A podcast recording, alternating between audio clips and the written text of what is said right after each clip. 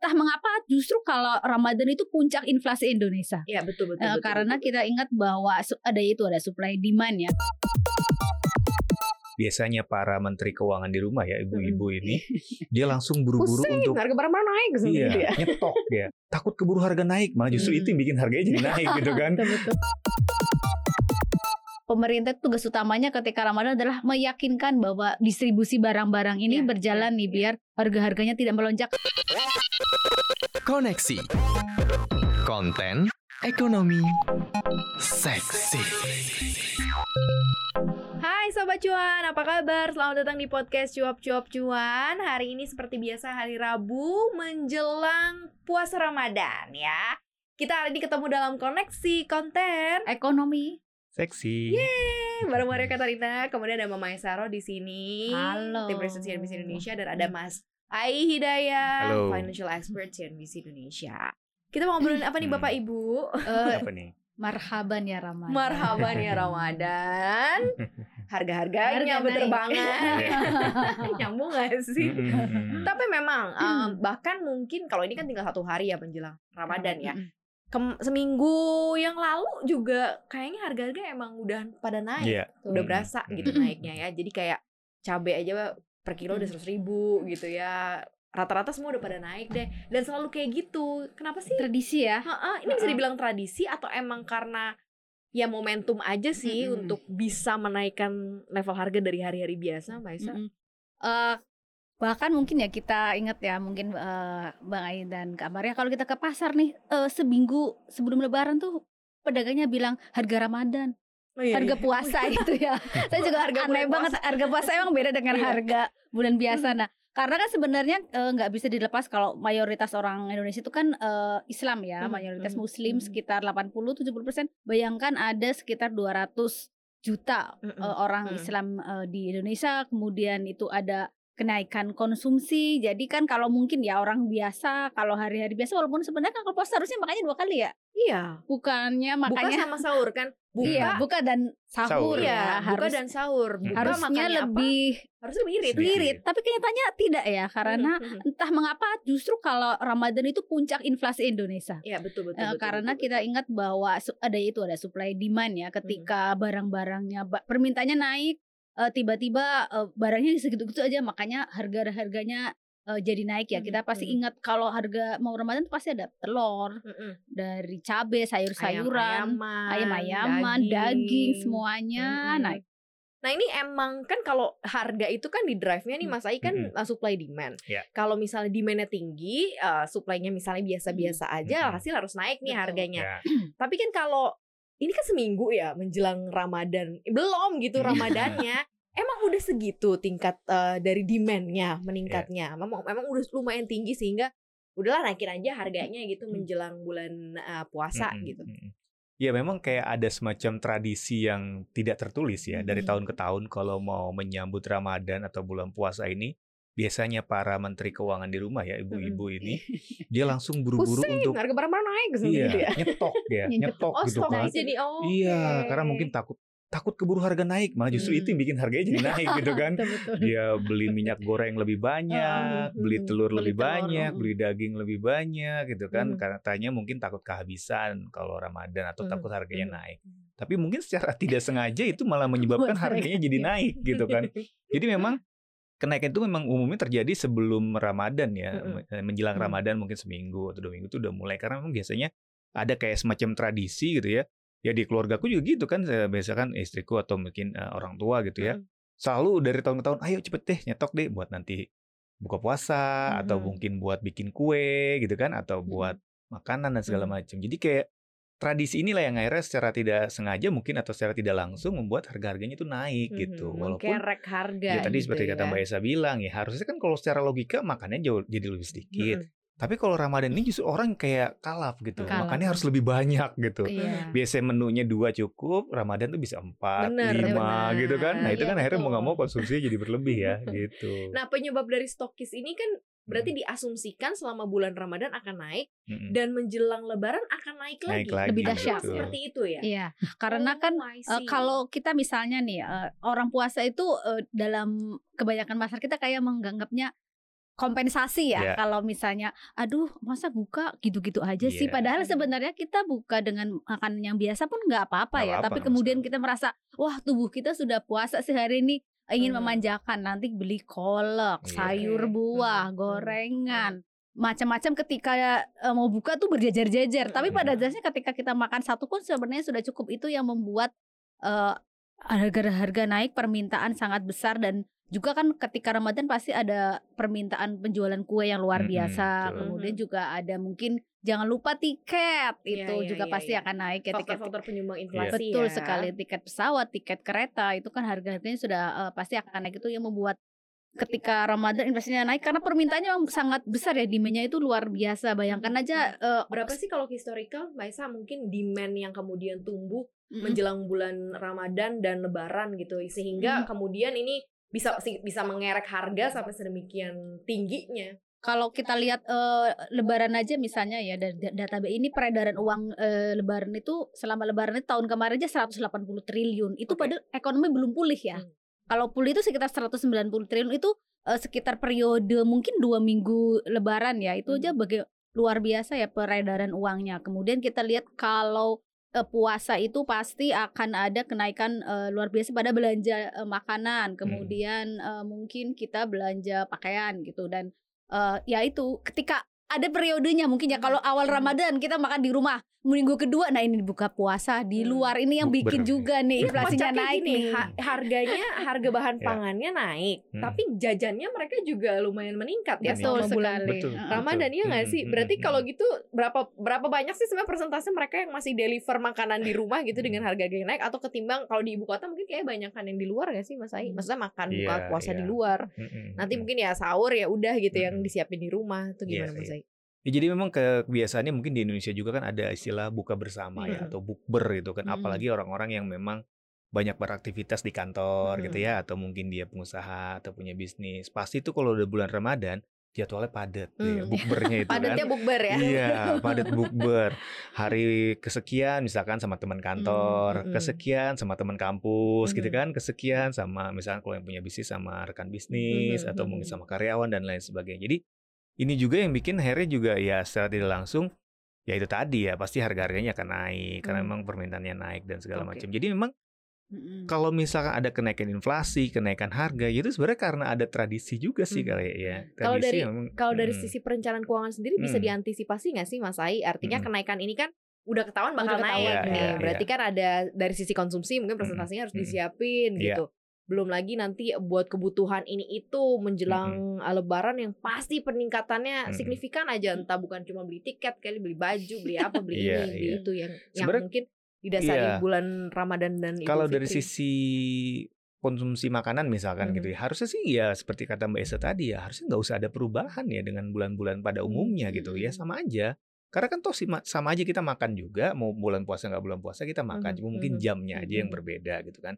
Dan harusnya juga eh, yang dikonsumsi pun malah harusnya jauh lebih berkurang gitu. Mhm. Cuman kan kadang-kadang kalau orang yang puasa itu seperti di bahasa singgung ya, kayak semacam pengen ngasih self reward gitu ke dirinya sendiri. tiap hari eh gue ibadah udah ya. puasa loh dari Rewardnya. dari subuh sampai sore iya, hari betul. masa gue makannya nasi doang sama telur ceplok gitu ibaratnya gitu kan ya pengen daging lah gitu atau pengen apalah sayur gitu. buah ya iya jadi Tiba-tiba empat sehat lima sempurna ya. Iya. mm, jadi itulah yang terkadang membuat pengeluaran kita jadi berlebih Mhm, gitu kan mhm. dan harusnya kan kita ya memang sudah rencanakan dari jauh-jauh hari gitu ya ya budgetnya memang harus kita sesuaikan dengan kemampuan gitu ya kalau bisa sih ya budget operasional makan itu ya jangan lebih dari 50% dari penghasilan kita lah gitu setiap Hmm. bulannya gitu Kalau kan. jangan bukber terus di restoran Hmm, nah itu kan bisa bikin membengkak karena memang Karena bukber tuh bukan dibayarin ya? Kan kadang ada ya? iuran bareng ada Iya. bareng-bareng nah itu. kadang ada yang bayar sendiri-sendiri Iya, juga ya kalau emang misalkan sama teman-teman gitu. Jadi emang ya kalau bisa jangan lebih dari 50% lah karena memang budget konsumsi ini biasanya paling gede ya, Mhm, paling mhm. gede.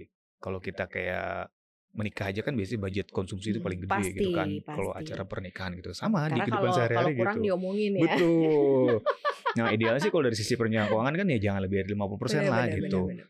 Uh, dan harus disesuaikan gitu. Mhm. Kalau memang mengantisipasi harga-harga bakal naik ya kita sesuaikan aja lah gitu. Mhm. Boleh boleh di stok boleh, tapi juga jangan berlebih juga ya Mhm. Pemirsa seolah-olah kayak mau ada perang atau Bener, bener, mau bener, ada bener. apa gitu kan. Ya secukupnya aja lah gitu. Betul. Jangan Mm-mm. terus kemudian gara-gara kamu stoknya banyak membuat akhirnya ketersediaan di lapangannya berkurang. Nah, ini yang bikin jadi Betul. meningkat. Iya. Padahal fungsi eh, kita harus mengembalikan semakna dari puasa sendiri ya Mhm. bahwa itu harusnya kita me- Nabi kan mengajarkan kita puasa agar merasakan penderitaan yang lain. Kita penderitaan Mhm. sebentar doang sih ya. Habis itu balas dendam. 8 jam lah. Kalau pemerintah ada yang disiapkan nggak secara khusus Mbak Esa untuk menghadapi bulan Ramadan? Misalnya kayak rantai pasok, Betul, eh, ya. kemudian juga ketersediaan Mm-mm. eh, bahan pangan gitu ya yang cukup merata begitu untuk untuk menyambut bulan Ramadan dan juga Lebaran. Hmm, Biasanya kan emang kalau bahkan sebulan sebelum puasa itu sudah boro-boro karena bagi pemerintah Lebaran dan eh, Ramadan Lebaran tuh kayak sebuah apa ya mungkin magnitude dan sebuah sesuatu yang harus ditanggapi dengan sangat serius ya. Mm. karena besarnya impact Lebaran ke ekonomi juga kemudian ke masyarakat juga ke Ya. perusahaan juga. Jadi makanya sebelum jauh sebelum Lebaran biasanya eh, akan dimudahkan eh, apa lalu lintasnya distribusinya akan diatur lebih lebih eh, lebih gampang. Bahkan mungkin ketika mudik itu ada jalur ketika yang lain eh, tidak boleh jalan ini ini diperbolehkan Mhm. untuk sembako karena bagaimanapun sembako adalah kunci utama untuk Mhm. agar inflasi tidak naik ya biasanya eh, impor juga akan naik ya ketika ya, ya. eh, mau eh, Ramadan itu ini karena biar tuh nggak eh, produksi eh, maksud saya pasokannya biar tidak terganggu ya. Mhm.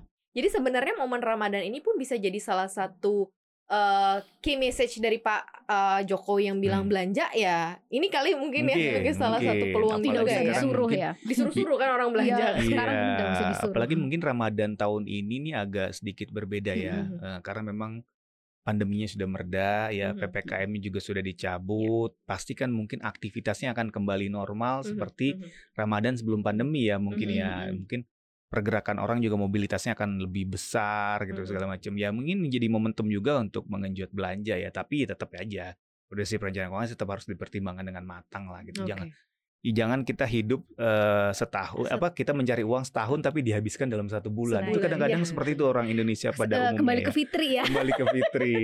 Abis itu balik nol. Balik ke Itu ya, nol. Pertamina ya, banget. ya. Iya. Balik ke Fitri. nol lagi ya. Dari nol lagi. Sampai ya. Betul. Masa udah denger cuap-cuan masih kayak gitu aja saldonya masih dinolin juga. Mm-mm. Nah ini dampaknya seperti apa sih Mbak. Esa untuk ke industri, untuk pedagang-pedagang kecil yang berjualan mungkin yang tadinya berapa modalnya bahan Mm-mm. bakunya mereka kenaikan bahan pangannya lumayan besar sementara kan ini ladang mereka cari cuan sih harusnya ya kan Mm-mm. tapi ya akhirnya budget modalnya akan lebih tinggi ini akan Mm. seperti apa Mbak? Eh, sebenarnya kan pe- perusahaan produsen itu juga sudah biasanya sudah akan mewanti-wanti ini Ramadan kapan dan dia akan menaikkan harga kapan itu sudah pasti diantisipasi ya Mhm. karena dia harga-harganya juga hari- eh, akan naik jadi dia sudah menyesuaikan memasukkan input eh, produksi biaya yang lain-lain bahwa pasti logistik juga akan naik eh, pasti karena ada begitu banyak hal eh, di sana. Jadinya biasanya mereka sudah eh, mengkalkulasi semua tapi kan dikembalikan dengan penjualannya juga luar biasa Mhm, gitu ya mhm, bahwa mhm. kemudian mereka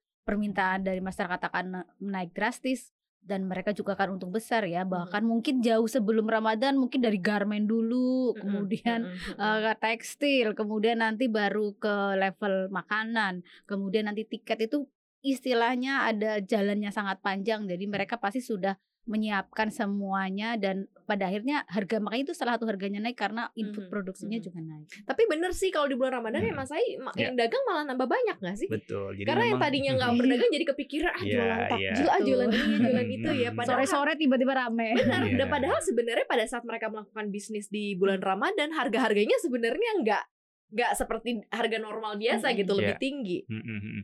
Ya karena memang eh, tidak hanya dari sisi konsumsi ya. Jadi momen Ramadan, momen Idul Fitri ini juga terkadang dijadikan suatu ajang untuk mencari cuan lah Iya. gitu ya eh, untuk s- golongan masyarakat Mhm, gitu ya. Karena mhm, memang mhm. dianggapnya orang itu kalau Ramadan dia akan spending lebih Ya, itu ya, pertama ya, gitu ya. kan. Mungkin kedua orang eh, kalau Ramadan atau mau Idul Fitri itu dia nggak berpikir dua kali untuk memberi ke orang, misalkan Mhm, sedekah atau mhm. segala macam. Jadi ya itu juga akhirnya dijadikan momentum untuk sebagian orang yang menangkap peluang itu ya Mhm. ya nggak ada salahnya juga sih sebenarnya pedagang-pedagang muslim ini juga banyak memang Ya.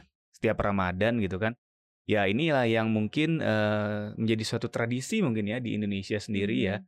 eh, akhirnya eh, terus dari tahun ke tahun seperti itu gitu Mbak Maria. Oke, dan bertumbuhnya juga eh istilahnya di- dimanfaatkan Iya, momennya gitu dimanfaatkan ya momennya, Iya. betul. untuk bisa. Nah, kita eh, kalau misalnya menghadapi bulan eh, Hmm. Ramadan ini begitu lebih Hmm. better berarti sebenarnya ya harga nggak apa-apa naik gitu ya ketimbang kelangkaan rantai pasok ya. Mm, mm, mm. Pernah nggak sih kejadian kayak gitu? Karena kita kan kalau tidak ada bulan Ramadan waktu itu pernah tempe langka sampai ada tukang gorengan jual tempe setipis ATM. Setipis ATM betul.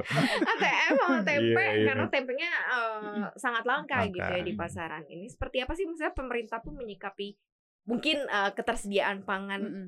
Biasanya yang barang yang cepat menghilang ya ketika mau Ramadan itu kan telur. Satu telur ya benar pasti. benar benar. Tepung-tepungan, gula, kemudian daging ya. Biasanya mereka mungkin pemerintah juga sudah mengantisipasinya dengan Hmm. meningkatkan memperbaiki distribusi biasanya ya Hmm. karena ada beberapa eh, aturan mungkin eh, agar lalu lintas mungkin kita kan banyak mengambil barang mungkin Sumatera kita ngambil eh, daging dari Hmm. eh, telur Hmm. dari Hmm. Jawa kemudian kita juga banyak dari barang dari Sumatera biar lalu lintasnya itu eh, lebih bisa Lancar. berjalan ya, lancar Hmm. ya karena eh, saya lupa tahun berapa tapi ada pernah kenaikan cabai yang sangat luar biasa Mhm. menjelang Hmm. eh, Cabai Ramadan juga naiknya gila-gilaan Iya juga sih. betul sekali itu padahal eh, bumbu rendang bumbu apa pakai cabai kan jadi Iya. sangat tidak mungkin kalau aduh nggak lebaran nggak ada rendang nggak ada cabai Nggak mungkin nggak mungkin kurang ya kurang afdol ya nah itu eh, walaupun sebenarnya kecolongan beberapa kali maksudnya kecolongan itu dalam artian ternyata eh, mungkin permintaannya lebih besar kadang kan kalau kita musiman ya eh, susah diprediksi ya bang Ayi Mm-mm, mungkin betul. kita kadang cabai musimnya jelek kemudian ada dulu juga persoalan impor Mhm. jadi hal-hal inilah yang harus memang harus diperbaiki ketika pemerintah tugas utamanya ketika Ramadan adalah meyakinkan bahwa distribusi barang-barang ini Iya, berjalan iya, nih iya. biar harga-harganya tidak melonjak karena kalau soal permintaan kan sudah dikendalikan ya Betul, masa betul, orang betul. mau belanja ditahan-tahan beli telur 10 aja jangan 50 kan nggak Iya. mungkin Kemarin disuruh-suruh belanja, Iya. belanja. yang benar kan bahwa gitu. oh kita nih biar produk biar telurnya bertambah pasokannya seperti apa karena Iya, iya, menjaga pasokan itu nomor satu Karena impor juga naik ya kalau kayak gini. betul pasti Iya, biasanya sebelum Ramadan Ramadan itu impor impornya Nah, pasti itu. naik ya. Hmm. Nah, Mas Ai kalau dari financialnya nih, dari keuangannya ya, menata keuangannya. Kalau mau bisnis mau tambah penghasilan side hustle nih yang Hmm. harus diperhatiin apa nih selama bulan Ramadan?